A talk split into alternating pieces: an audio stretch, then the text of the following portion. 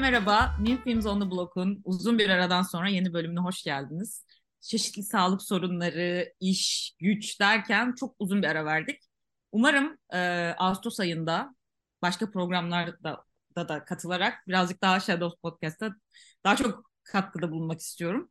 E, bugün karşımda Enes var. Merhaba Enes. İkimiz de aynı şehirdeyiz ama görüşemiyoruz. Nasılsın? Merhaba, iyiyim. Sen nasılsın? İyiyim. Ne olsun? İş güç biliyorsun. E, Bir- evet. We survived Barbenheimer diyebilir miyiz? Evet, bugünkü konumuz Barbie Oppenheimer. Barbie ile başla istersen. Başlayalım. Yani aslında iki şey demek istiyorum ben. İki filmi de çok büyük bir beklentiyle, coşkuyla bir marketing kampanyası yürütüldü ve hala da devam ediyor etkileri. Sanırım e, gişe açısından Barbie şu an Oppenheimer'ı geçmiş durumda. E, zaten çok Evet, Letterboxd'a da iki katı loglanmış diye bir şey gördüm bugün. yani hem marketing kampanyasının hem de film süresinin de bence büyük bir etkisi var. Ve Barbie'nin kitlesi tabii daha geniş diyebiliriz bu anlamda. Ben açıkçası filmi çok heyecanla bekleyen kitleden biriydim. Çünkü Greta Gerwig'i çok seviyorum ve gerçekten e, iyi bir entelektüel birikime, iyi bir sinefil e, arka planına sahip olduğunu düşünüyorum ve bunu da bir şekilde sinemasına yansıtıyor. Ama yani belki de kendi kendime şunu sormalıydım. Bir stüdyo filminden en fazla ne bekleyebiliriz ki? Yani yönetmen ne kadar e, çok otör konumunda olabilecek, e, tıt- e, nitelendirebileceğimiz bir isim olsa bile belli bir çerçevede gerçekleşiyor bunlar ve ben de Barbie'nin bu noktada e, yeterince beklentilerimi, yeterince e, özgün ve özgür olduğunu düşünmüyorum. E, ilginç bir haftaydı öncelikle. Ben de çok merakla, e, pardon ben merakla beklemiyordum herhangi bir filmde. E, bir haftada Mission Impossible, Oppenheimer, Barbie hepsi girdi. Bu bölüm konsepti Barbie Oppenheimer olsa da yani şey, hani günümüz ana akım sinemasının nerede olduğunu ve hani nelerin hangi e, isteklerin öne çıktığını böyle farklı farklı görebildiğimiz, hepsinin böyle ayrı kitlelere hitap ettiği ilginç bir haftaydı. İstersen Barbie'den kısaca bahsedelim. Çünkü muhtemelen izlemeyenler de vardır ve konuşacağımız şeylere bir bağlam da katmak açısından ilginç olabilir. Ee, filmimiz aslında Barbieland adı verilen ve birçok sinematik referansa da e, sahip olan ideal bir dünya diyebileceğimiz bir yerde açılıyor ve burada bütün Barbie'ler her gün hayatlarının en güzel gününü yaşıyor. Ee, sabah kalkıyorlar. Yani oyuncak dünyası diyebileceğimiz bir ideal dünya burası. Ama bir gün Margot Robbie'nin canlandırdığı Barbie karakteri böyle karanlık düşünceler e, kafasına belirmeye başlıyor ve özelliklerini yitiriyor. Normalde Barbie'lerin ayağı havada kalırken mesela yere düzleşiyor tabanı ve endişelenmeye başlıyor. Bana ne oluyor diye ve bütün Barbie'lerle konuştuktan sonra aslında bir orada uzakta yaşayan Weird Barbie diye birinden e, gerçek dünya ve Barbieland arasında bir portal açıldığını ve bunun sebebinin onunla ona sahip olan insanın düşüncelerinin kendi düşüncelerine karıştığını öğreniyor. Ve bu, bunu çözmek için de Barbie gerçek dünyaya gitmeye karar veriyor. Ancak bir de burada bir Ken faktörü var. Ee, Barbieland'de yaşayan Ken'ler Barbie'lere eşlik ediyor ve bizim Margot Robbie'nin Ken'i de Ryan Gosling ve Ryan Gosling de Barbie'nin peşine takılıyor. Ancak Ryan Gosling gerçek karakteri gerçek dünyaya gittiğinde e, patriarkayı keşfediyor ve hikayemiz bu, bu yolda evriliyor diyebilirim yani. Filmdeki en büyük sorun olarak nitelendirdiğim şey aslında bu patriarka ve kadın erkek temsilleri. Yani film bunu dalga geçerek esprili bir dille el- ele alsa da benim için e, var olan kadın erkek de, dediğimiz ikili klişeleri, cinsiyet rolle- rollerini yeniden üreten bir bakış açısına sahip ve bu yüzden bana çok e, yenilikçi gelmedi. Sen ne düşünüyorsun? Ya Filmin yenilikçi olduğunu düşünmüyorum ben de ama cinsiyet rollerinde e, zaten biraz olayın bu olduğunu düşünüyorum. Hani Barbie dünyası hani filmin dışında da zaten tamamen hani bir stereotipik kadın cinsiyet rolü üzerine kurulu olduğu için filmde bunu tekrar üretmiş olmaları ben hani mantıklı buldum. Çünkü zaten var olan şey bu. Yani Ken'de, Barbie'de tamamen stereotipik e, şeyler, roller. Evet, filmin sonuna doğru bu roller değişiyor mu? Çok değişmiyor ama sonuçta bu bir kahraman yolculuğu film. Yine de bir değişim, dönüşüm ve filmin sonunda da hani ikisi açısından, açısından da bir özgürleşme ben görebiliyorum. ve yani o özgürleşmenin sonrasında nereye gideceğine dair bir ipucu bırakmasa da hani bir ufuk bırakıyor bence. Sen ne dersin? stereotip Barbie dediğimiz bir e, karakter var. Ama aslında burada Barbie'nin e, 1959'da üretildiğinden günümüze kadarki yolculuğuna da göndermeler var. E, iptal edilen modeller, denemeler ve bunların tamamı e, aslında e, pazarın ve tüketicilerin beklentisine göre şekillenmiş şeyler ya. Şimdi bugün bu filmde de aslında yine benzer bir şekilde tüketicinin beklentilerine göre şekillenen bir e, kapsayıcılık satılıyor aslında ve filmde bu gösteriliyor. Ben sanırım şundan hoşlanmıyorum. Bir eleştiri var filmde. Bir var olan duruma e, ortaya koyuyor ama kendisi de bunun bir parçası. Kendisi de bu sistemin bir parçası. Ve bu kapalı devreden çıkamıyoruz ya. Ya kapitalizmin e, üretim tüketim ilişkilerinin. Ya bunu kabullenmek ve bundan şaka yapmak aslında çok kısır bir döngü gibi geliyor bana sanırım. Ya buna katılıyorum ve bence günümüz ana akım sinemasında hani birkaç yönetmen çıkıyor. Dahi, yenilikçi, yetenekli veya farklı e, medyumlarda da olabilir bu. Bağımsız bir şeyler yapıyorlar. Sonrasında yani para sahipleri o insanları bir şekilde kendi çarklarına katıyor. Yani sunduğu imkanlarla veya görünümlükle işte daha fazla insana erişme şansıyla. Ve senin dediğin şeye katılıyorum. Gerçekten hani tamam sen bir feminist film yapmak istiyorsun ama e, gerçekten hani Hollywood'da bunu yapabilir misin? Ya tamamen senin dediğin gibi eleştirinin şeye dönüşüyorsun. Ve bunun da farkında. E, mesela Matrix de benim için böyleydi. Hani devam filmi. E, Hmm. o kaçışsızlık, o çıkışsızlık hani o devam filmini yapmak zorundasın ya. Ve yapmak istemiyorsun. Çünkü aslında yapmaman gerekiyor onu artık. Bitirmen gerekiyor. Ama işte bu çok güzel bir örnek. Bunu başardı Lana Wachowski. Evet Diyor ki evet. orta parmağını gösterdi. Bana ne ya dedi yani hani ve film aslında gişede başarısız oldu. Barbie böyle değil. Barbie oyunu kurallarına göre oynadı ve o yüzden de başarılı olacak. Yo ben Ya de ara- bunu diyecektim. Ee, Matrix'te bu çığ hani çıkışsızlığın o çılgınlığını hani o meta şakaların şeyini artık böyle kara mizahını nasıl desem o senin dediğin gibi orta parma görebiliyorduk cidden. Ve evet dediğin gibi gişede de başarısız oldu. Yani Barbie kesinlikle bunu yapmıyor. Ve mesela e, şunun da bir etkisi var. Şimdi Barbie aslında bütün tuşlara basıyor denebilecek bir şey marketing pro- projesi e, geliştirdi.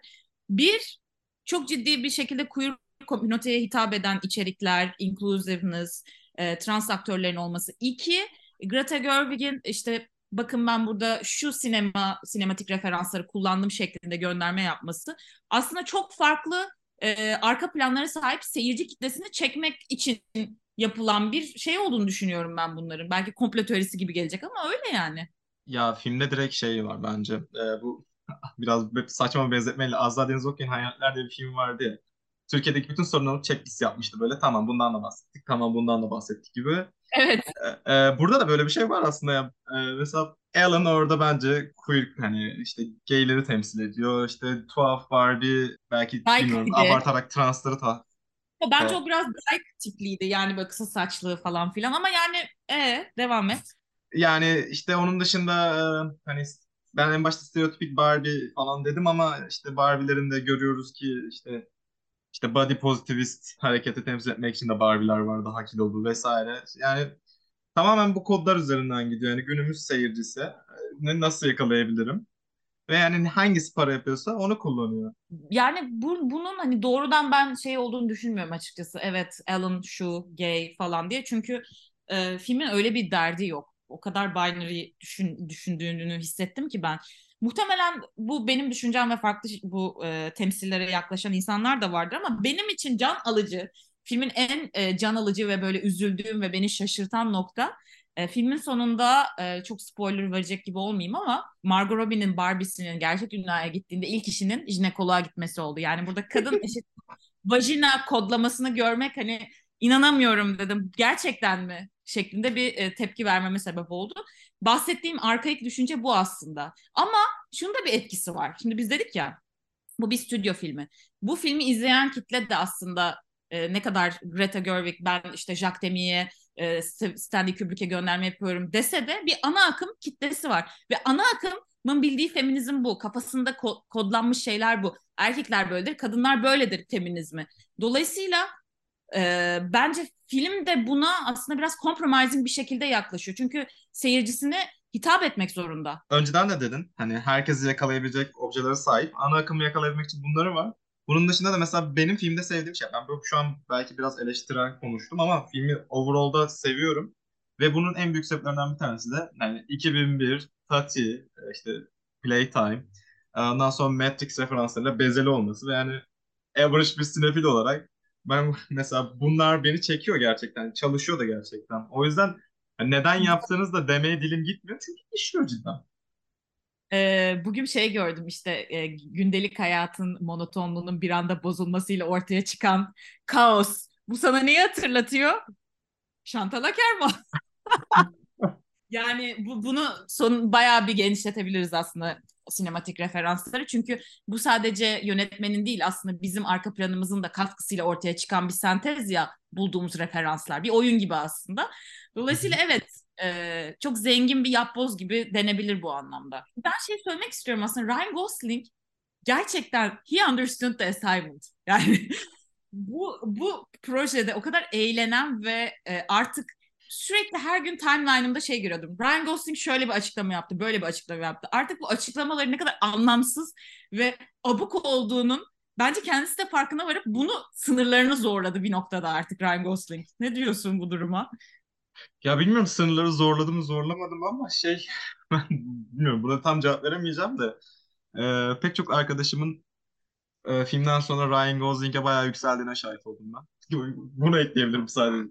Evet ama şimdi normalde hani aşina olduğumuz bildiğimiz bir jön işte kaslı sarışın erkek şey var ya Ryan Gosling bununla sürekli dalga geçiyor. Yani insanların kendisini o şekilde bilmesini istemiyor gibi. Çünkü çok goofy davranıyor. Haksız mıyım? Yani karizmatik böyle şey davranmıyor kamera karşısında. Bence bu benim çok hoşuma gitti açıkçası. Kendi güçlü noktalarını, kendi strengthlerinin farkına varıp buna böyle bozmaya çalışması sürekli. Ama bu Ryan Gosling'in yeteneği mi yoksa zaten senaryoda yazılmış bir şey mi? Onda ben...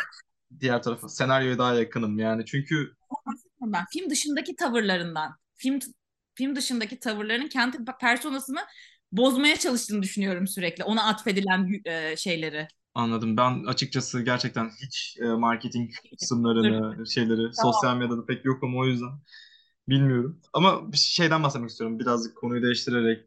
E, bu şu an hani büyük bir grev var ya hemen evet. bunun öncesinde e, şanslı hissediyorlardır eminim kendilerini. Marketing kampanyasını tamamlayabildi. İkisi de taktiğe girdi ve şu an grev var. Hani bu konuyla şeyi beraber düşünmek istiyorum. Barbie'nin marketing kampanyası bir de şey vardı işte. Sette bir gün pembe giyiniyorduk. Harikaydı bilmem ne falan. Yani Hı-hı. çalışma koşullarının Hollywood'da yani iyi olmadığı hep herkesin malumu.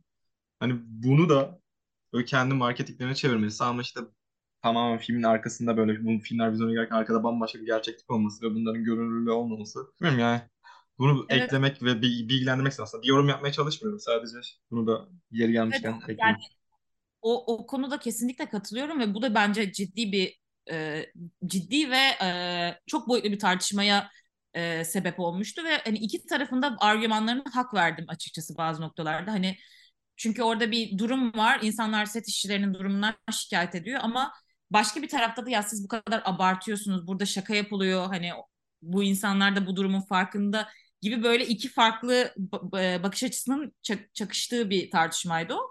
Yani verimli ve aslında e, besleyici olduğunu düşündüm dinlerken ya da işte okurken şeyleri. bir de son olarak bir şey eklemek istiyorum filmle ilgili.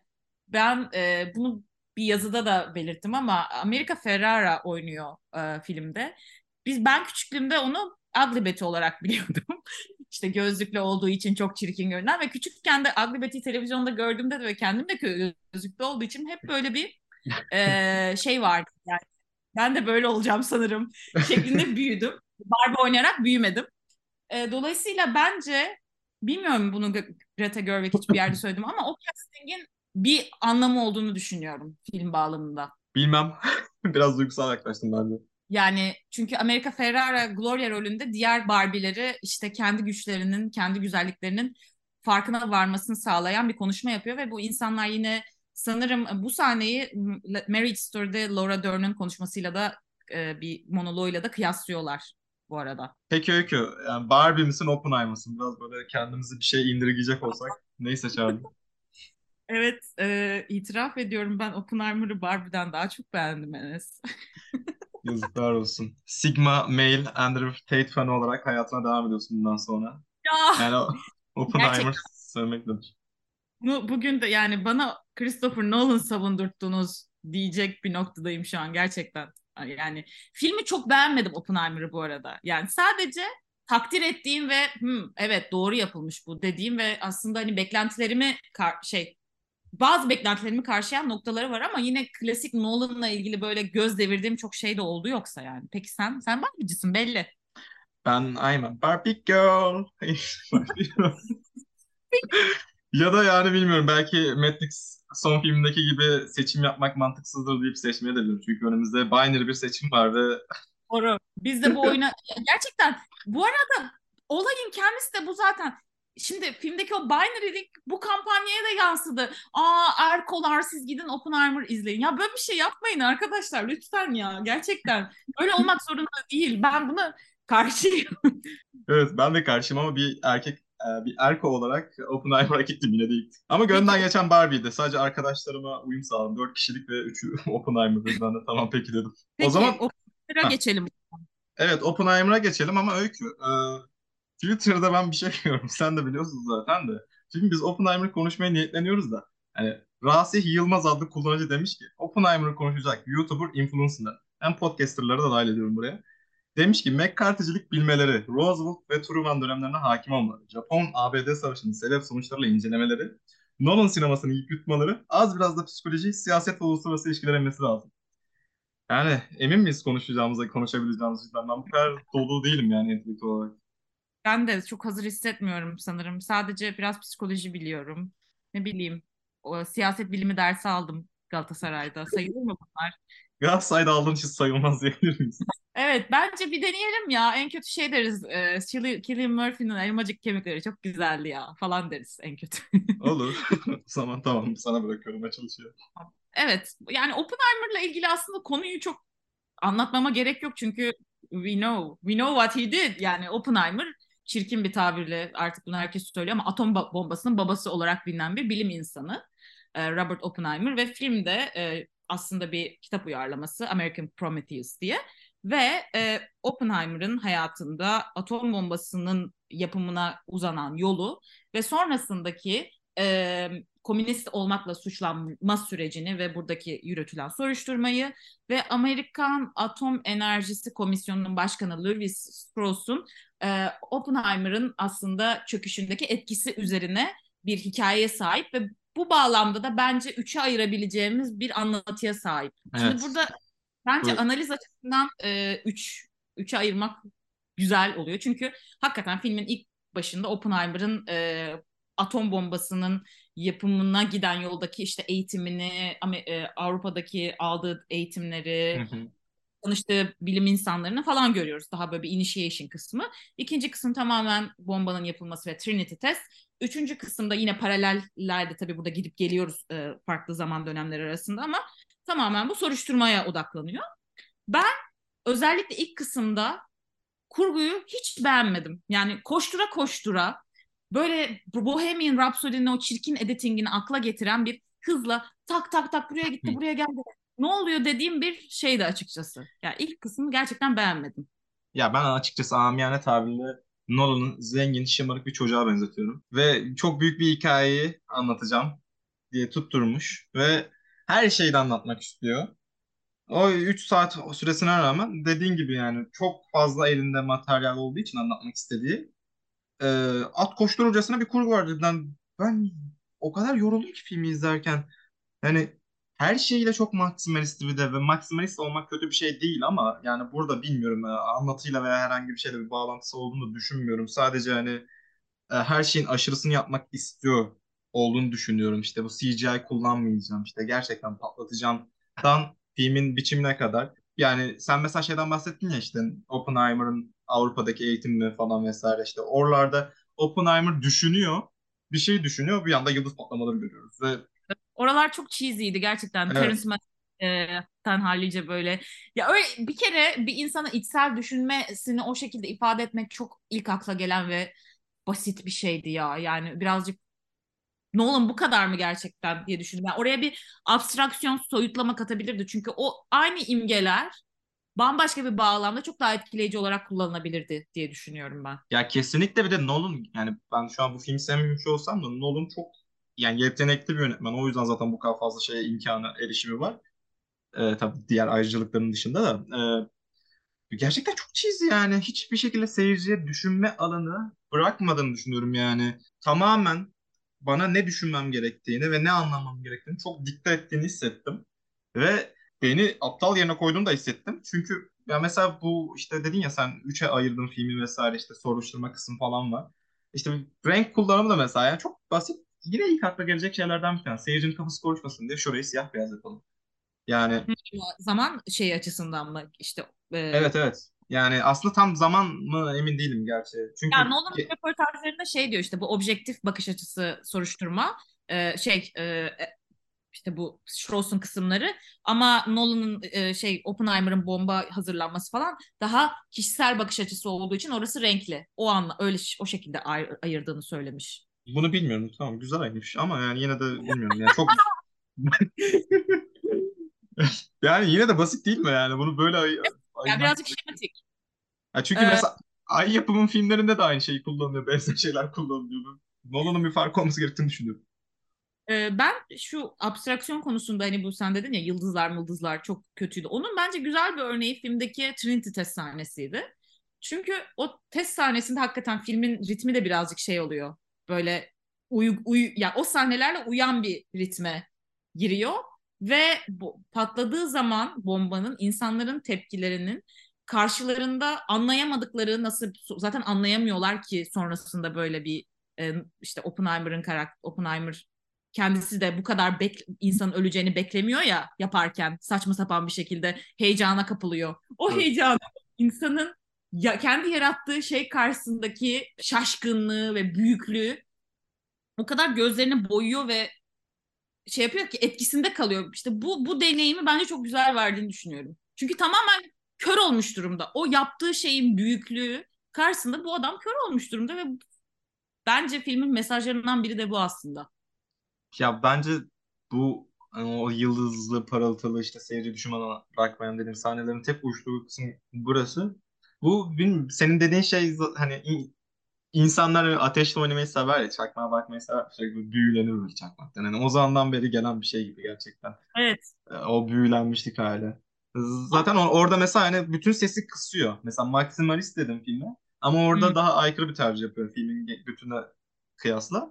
Bütün sesi kısıyor ve sadece yüzlerine bakmamız istiyor. Mesela yüzlerindeki şaşkınlığa bakmamız istiyor. Mesela benim filmde en sevdiğim sahnelerden bir tanesi de orası. Kesinlikle. Ve millet şey demiş işte normalde şimdi 70 mm IMAX çekince millet şey bekliyor değil mi? Tenet'teki gibi böyle o aksiyon koşacağız, coşacağız falan. Burada onun tek etkisi aslında yüz çekimlerinde. Ve bence insanlar bunu çok göz ardı ediyor. Çünkü orada bir film bu öznelliğe bu kadar önem verdiği noktalarda hani o tepkilerin bir anlamı var ve bu yüzden bence bu kadar yüzler e, ön planda. Hani fotojeni diyebileceğimiz belki bunu Nolan fotojeniyi düşünmedi ama ona karşılık geliyor bu etki bence. Ya bu IMAX muhabbeti. Yani işte bu filmi kesinlikle IMAX'te izlemem lazım ya da işte 70 milimetreden izlemem lazım vesaire diye böyle bir diyebileceğim bir kitle var. Ee, anlayabiliyorum hani bunu yargılamıyorum. Ama bence bu film IMAX'te yani IMAX için çok da uygun bir film değil. Hani bakınca aslında film konuşan kafalar, konuşmalar üzerinden ilerliyor. Bunu kötü bir şey olarak söylemiyorum. Sadece yani filmin o birkaç patlama sahnesi dışında IMAX'lik çok bir muhabbet de yok bence.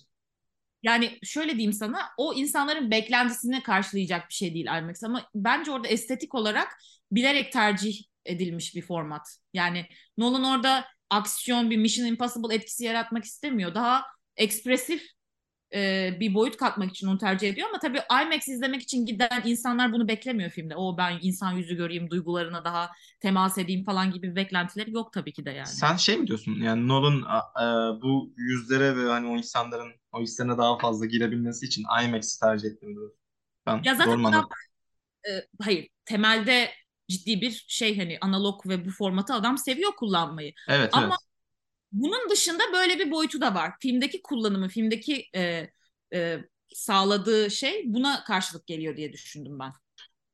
Yani buna ne katılıyorum ne de katılmıyorum ama her Nolan böyle düşünmüşse gerçekten saygı duyuyorum. Çünkü yani IMAX'te tamamen hani bütün herkesin tüketici kitlesinin ailetinden bambaşka bir noktada hani isteyerek kullanıyorsa gerçekten hoşuma gidecek bir şey oldu. Çünkü genelde hani IMAX aksiyonu daha iyi yaşamak için hani daha biraz daha deneyime kayması için kullanılan bir şey ya çoğu zaman. Bir de filmde benim sevmediğim noktalardan biri de bu Florence Pugh'un karakteri Jean Tadlock'la olan o ilişkisi. Yani biz ne öğrendik buradan peki? Hani tamam böyle bir şey yaşadılar da bu senin hikayende ne amaca hizmet etti? Ya da o bir anda çok geniş kapsamlı dedin ya maksimal maksimalize eden bir Hı hı. anlatı var. Onu böyle çok e, intimate bir şey anlatmaya çalışması ve bunu becerememesi o kadar kendini belli ediyor ki o sevişme sahnelerinin Hayatımda izlediğim en kötü seks sahnelerinden bir tanesiydi. Bir anda soruşturma esnasında hani o kadının işte Oppenheimer'ın kucağına oturması. Yani gerçekten o kadar kötüydü ki. Bilmiyorum. Evet. Güldüm böyle sadece. şeyler var. Yani e, böyle bu- bunu bunu nasıl yaptın ya dedirten. Mesela bu Now I became the, the, the destroyer of the world demesi sürekli. Hı hı. Yani bunu, tamam hani bu bu bir çok önemli bir cümle anladın mı? Oppenheimer deyince insanların aklına bu geliyor. Ya sen niye bunu sürekli tekrar ettiriyorsun? Niye bu hani bu kadar ön planda? Bu akla ilk gelen şey çünkü Oppenheimer deyince bu bir tane video var ya sürekli şey e, bu cümleyi sarf ettiği. Hı O hı. insanların zaten popüler kültürde ve bilincinde yer etmiş bir şey. Niye bunu sürekli kullanıyorsun? Ya daha özgün bir şey bul. Ya da niye sürekli Prometheus mit? Ya Prometheus insan ilk aklına gelecek şey ya. Hani tanrılara Ya meydan bana şey gibi geliyor ya gerçekten hani ben de sinema öğrencisiyim ama biraz da yine de söyleyeceğim bunu hani böyle sinema öğrencilerinin böyle filminin başına ufak bir pasaj, ufak bir şiir falan koyup böyle filmi öyle başlamaları e, ki bilmiyorum genel, genel çok şey gösterme bir şey yani böyle daha böyle ciddiye alınmak için yapılan bir şeymiş gibi hissettiriyor bana her zaman. Tamam subjektif bir yorum. E, o yani Nolan da yapıyor bunu ama işte bakınca. evet evet yani bu, bu bence onun da bir kitlesinin farkında ne olduğunu ve hani ne bileyim bu Cynical Bro demek istemiyorum ama daha bilim odaklı ne bileyim Ayn Rand okuyan işte ne olabilir işte Prometheus bu tarz daha böyle liberalizm savaşlar bilmem neyle ilgilenen bir kitle var ya şu an bunu hı. ifade var öyle bir kitle arkadaşlar. Arkadaşlar biliyoruz kendimizi de. Mesela şey de öyle. Bu Strauss işte e, oylama sırasında kimin oy vermediğini soruyor ya.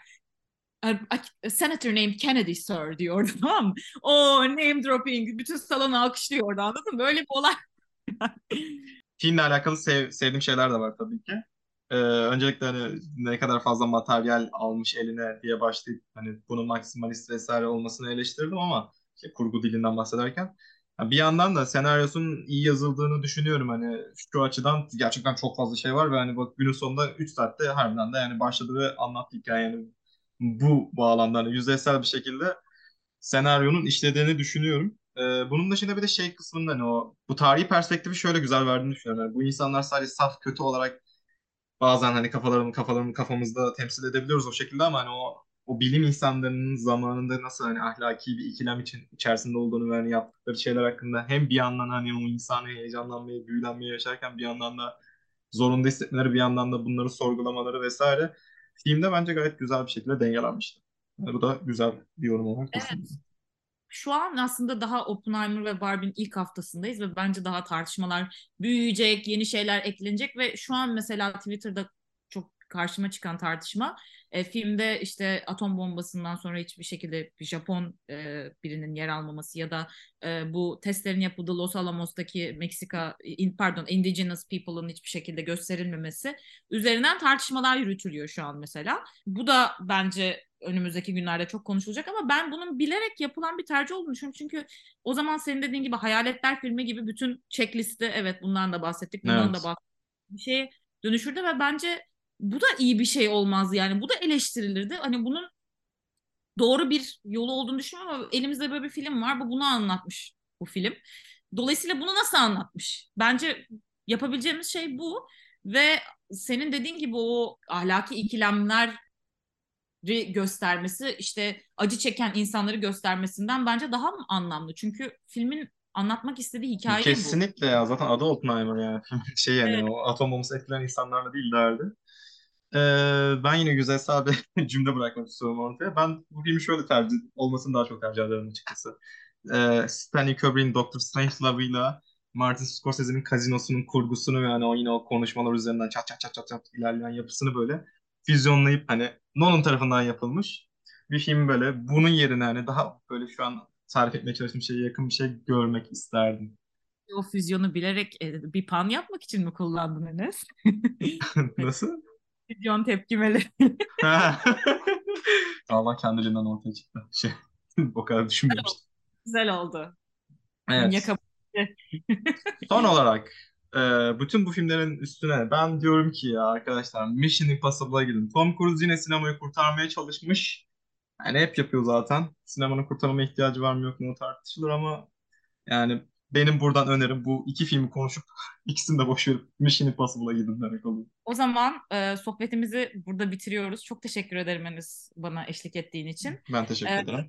Bu arada dinleyicilerimizin de Barbie'ci mi Oppenheimer'cı mı yoksa biz ikisini de seviyoruz. Hepimiz kardeşiz mi olduğunu da duymak isteriz ve lütfen e, Shadow Podcast'ı takip etmeyi, beğenmeyi ve arkadaşlarınızla paylaşmayı ihmal etmeyin. Görüşmek üzere. Görüşmek üzere.